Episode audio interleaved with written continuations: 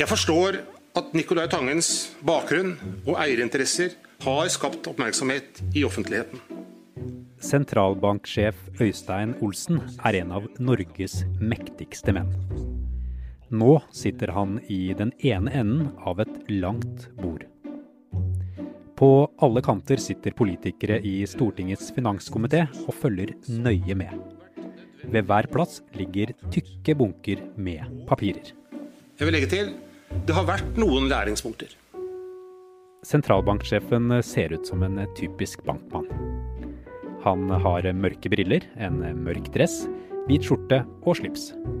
Det hvite håret er lagt til den ene siden. Nå tar han en pause og blar i papirene. Han er i ferd med å avslutte og konkludere i høringssalen i Stortinget. Og han er fortsatt ikke i tvil. I en grundig prosess fremsto Nicolai Tangen som den klart sterkeste kandidaten. Med hans bakgrunn og kompetanse Som øverste sjef for Norges Bank, som også styrer oljefondet, har Øystein Olsen fått mye kritikk i det siste. Hovedstyret var klar over at valget av Nicolai Tangen kunne vekke oppmerksomhet. Pga. særlig hans personlige økonomi og eierinteresser i AKO-systemet. Og det har det virkelig gjort. Et foreløpig klimaks kom mandag, da Olsen måtte forsvare ansettelsen av den nye sjefen for oljefondet for åpen scene i Stortinget. Og til og med veldig erfarne politiske journalister måtte klype seg litt i armen. Dette er en av de mer spesielle høringene jeg har vært med på. Den 1.9 så skal Nicolai Tangen etter planen ta over som sjef for et av verdens største fond vårt felles oljefond. Men spørsmålet er om det i det hele tatt skjer, eller om hans egen karriere og det han har bygget opp, kan stoppe ham på vei inn til kontoret. Dette er Forklart fra Aftenposten. Jeg heter Andreas Bakke Foss. I dag er det onsdag 12. august. Vi gir ordet til hovedpersonen her. Nikolai, vær så god.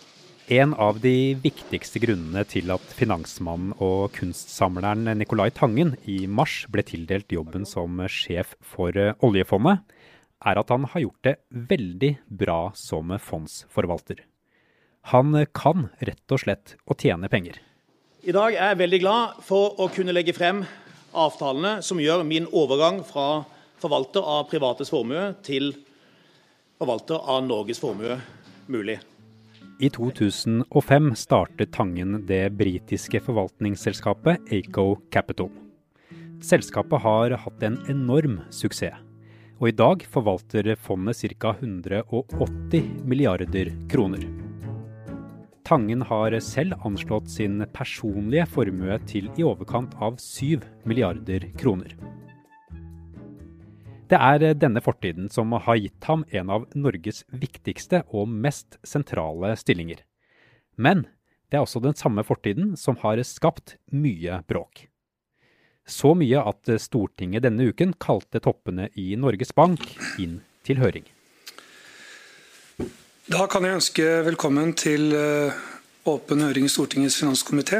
Eh, og der, på denne høringen, var min kollega Alf Ole Ask. Jeg har vært på mange høringer, eh, både som korrespondent i USA og som korrespondent i Brussel, og også som politisk reporter i Norge. Dette er en av de mer spesielle høringene jeg har vært med på. Det er fordi at eh, her er altså et tilsynsorgan for sentralbanken totalt uenig med sentralbankens sjef om hva som har skjedd i en ansettelsessak av denne typen. Og så hører det med til historien at politikerne jo i realiteten har vedtatt at dette er Norges Banks bord. Eh, så egentlig er dette på en armlengdes avstand, men her har man ment at det er så mange spørsmål som man må få utredet, at dette er blitt en stor politisk sak. Hva var det politikerne ville ha svar på i denne høringen? Det dreier seg om to hovedspørsmål. For det første er det selve ansettelsesprosessen, og hvorvidt den har fulgt de eh, retningslinjer eh, som gjelder for eh, å ansette folk i slike stillinger. Og så er det jo det store spørsmålet knyttet til Nicolai Tangens eh, store formue og eierskap i dette AKO Kapital, om det da kan føre til habilitetsproblemer for han når han tiltrer som oljefondsjef.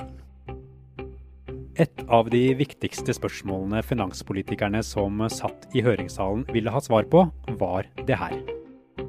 Er det noen interessekonflikter mellom forvaltningen av Tangens egne penger og forvaltningen av vårt alles pensjonsfond, oljefondet? Interessekonflikter er aldri enkle. Eh, dette handler om hvorvidt Norges Bank har klart å sette opp et regelverk, sette opp avtaler rundt den avtalen som Nicolai Tangen har med AK Kapital, og som gjør at det er vanntette skott mellom det han skal gjøre i, i Norges Bank, uh, i oljefondet, og AK Kapital. Uh, satt litt på spissen så kan man si at han skal altså ikke ha noe med den daglige driften å gjøre, men han skal fortsatt eie 43% og da er spørsmålet vil det tilflyte han informasjon som man etterpå kan si at han da var inhabil. Dette dreier seg om enorme store pengesummer. Det dreier seg om eh, innfløkt eh, finans.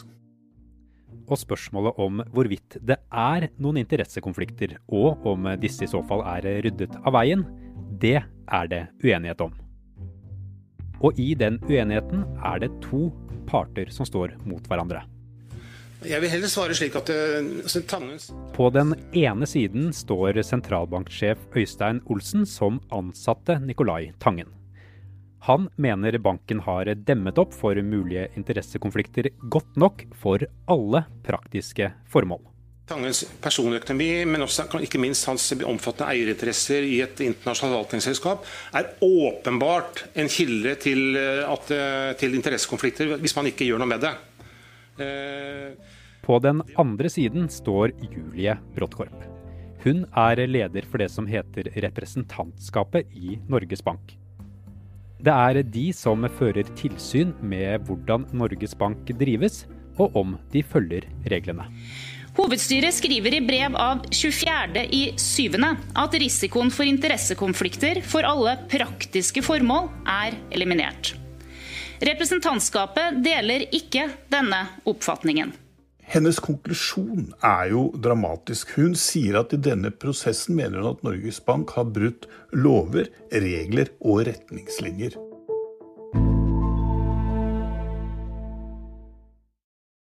Julie Bråttkorp sier de er enige i at eh, Norges Bank har innført tiltak som reduserer risikoen for interessekonflikter. Men Vår forutsetning var og er at risikoen for interessekonflikter elimineres. Tiltakene tilfredsstiller ikke denne forutsetningen.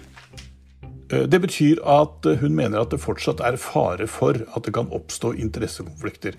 Og det Eh, sa jo for så vidt eh, Øystein Olsen i høringen at man, han mener at man ikke kan helt utelukke interessekonflikter. Vi har jo alle sammen med oss en bagasje i ulike jobber og ulike sammenhenger. Og at det gjelder mange eh, ansatte i Norges Bank, at det kan oppstå.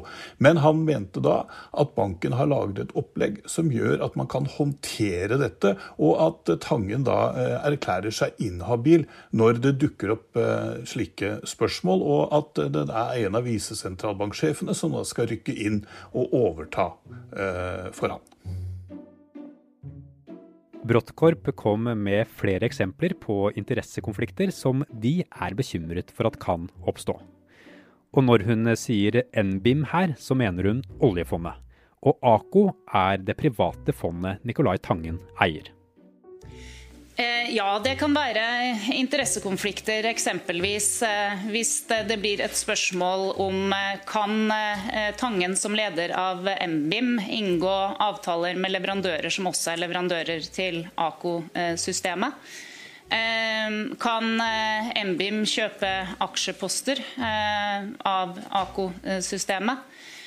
Kan Tangen Eksempelvis være med å velge eksterne forvaltere. Eh, MBIM bruker mellom 78 eksterne forvaltere, som er direkte konkurrenter av AKO. Så det er noen av eksemplene på det. Og saksordfører Hadia Tajik fra Arbeiderpartiet følger opp. På hvilken måte kan eh, den type interessekonflikter som du nå redegjør for, kunne skape framtidige problemer eh, for eh, Norges Bank?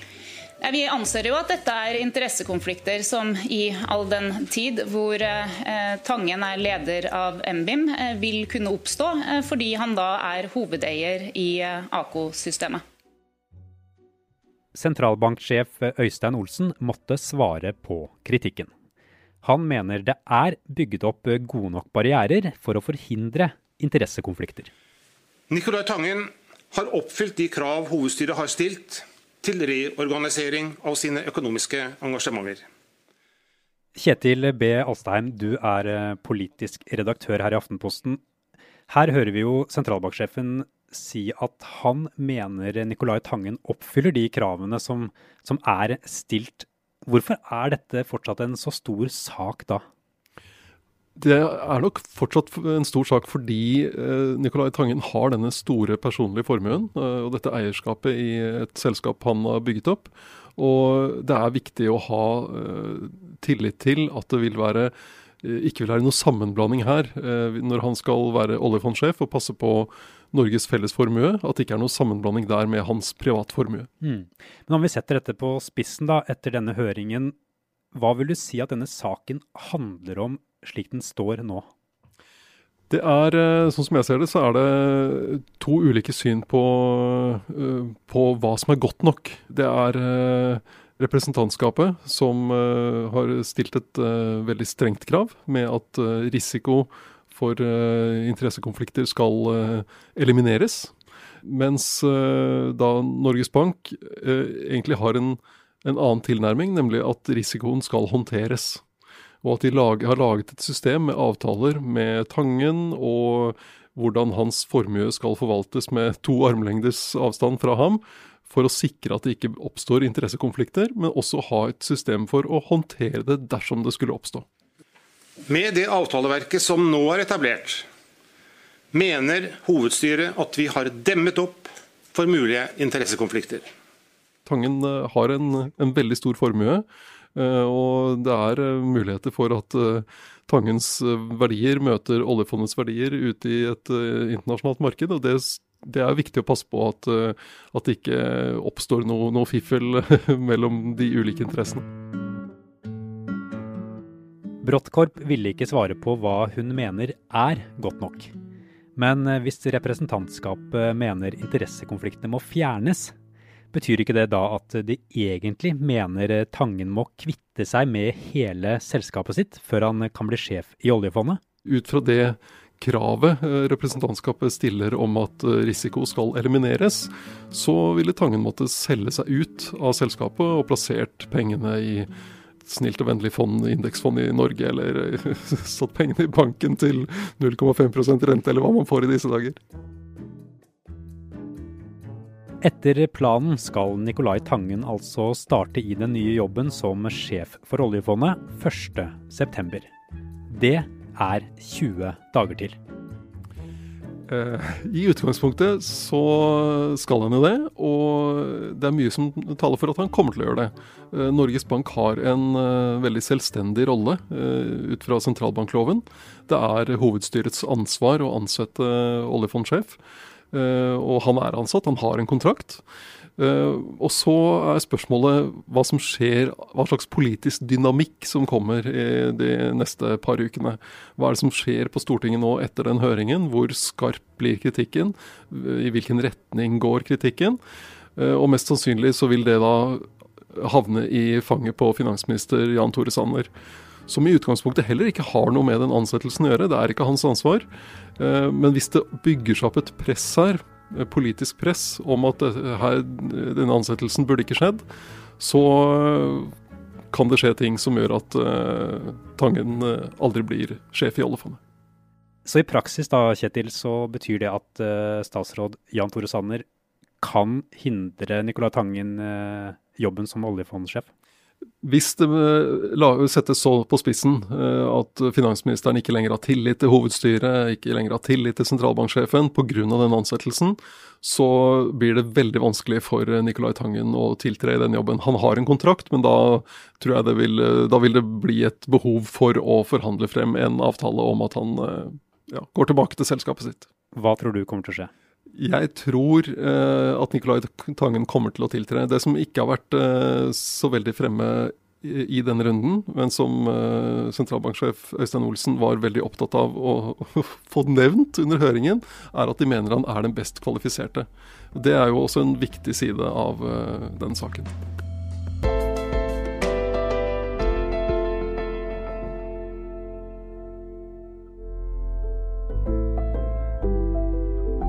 Forklart lages av Caroline Fossland, Anne Lindholm, Fride Næss Nonstad, Marit Eriksdatter Gjelland og meg, Andreas Bakke Foss. I denne episoden har du hørt lyd fra Norges Bank og Stortingets nett-TV.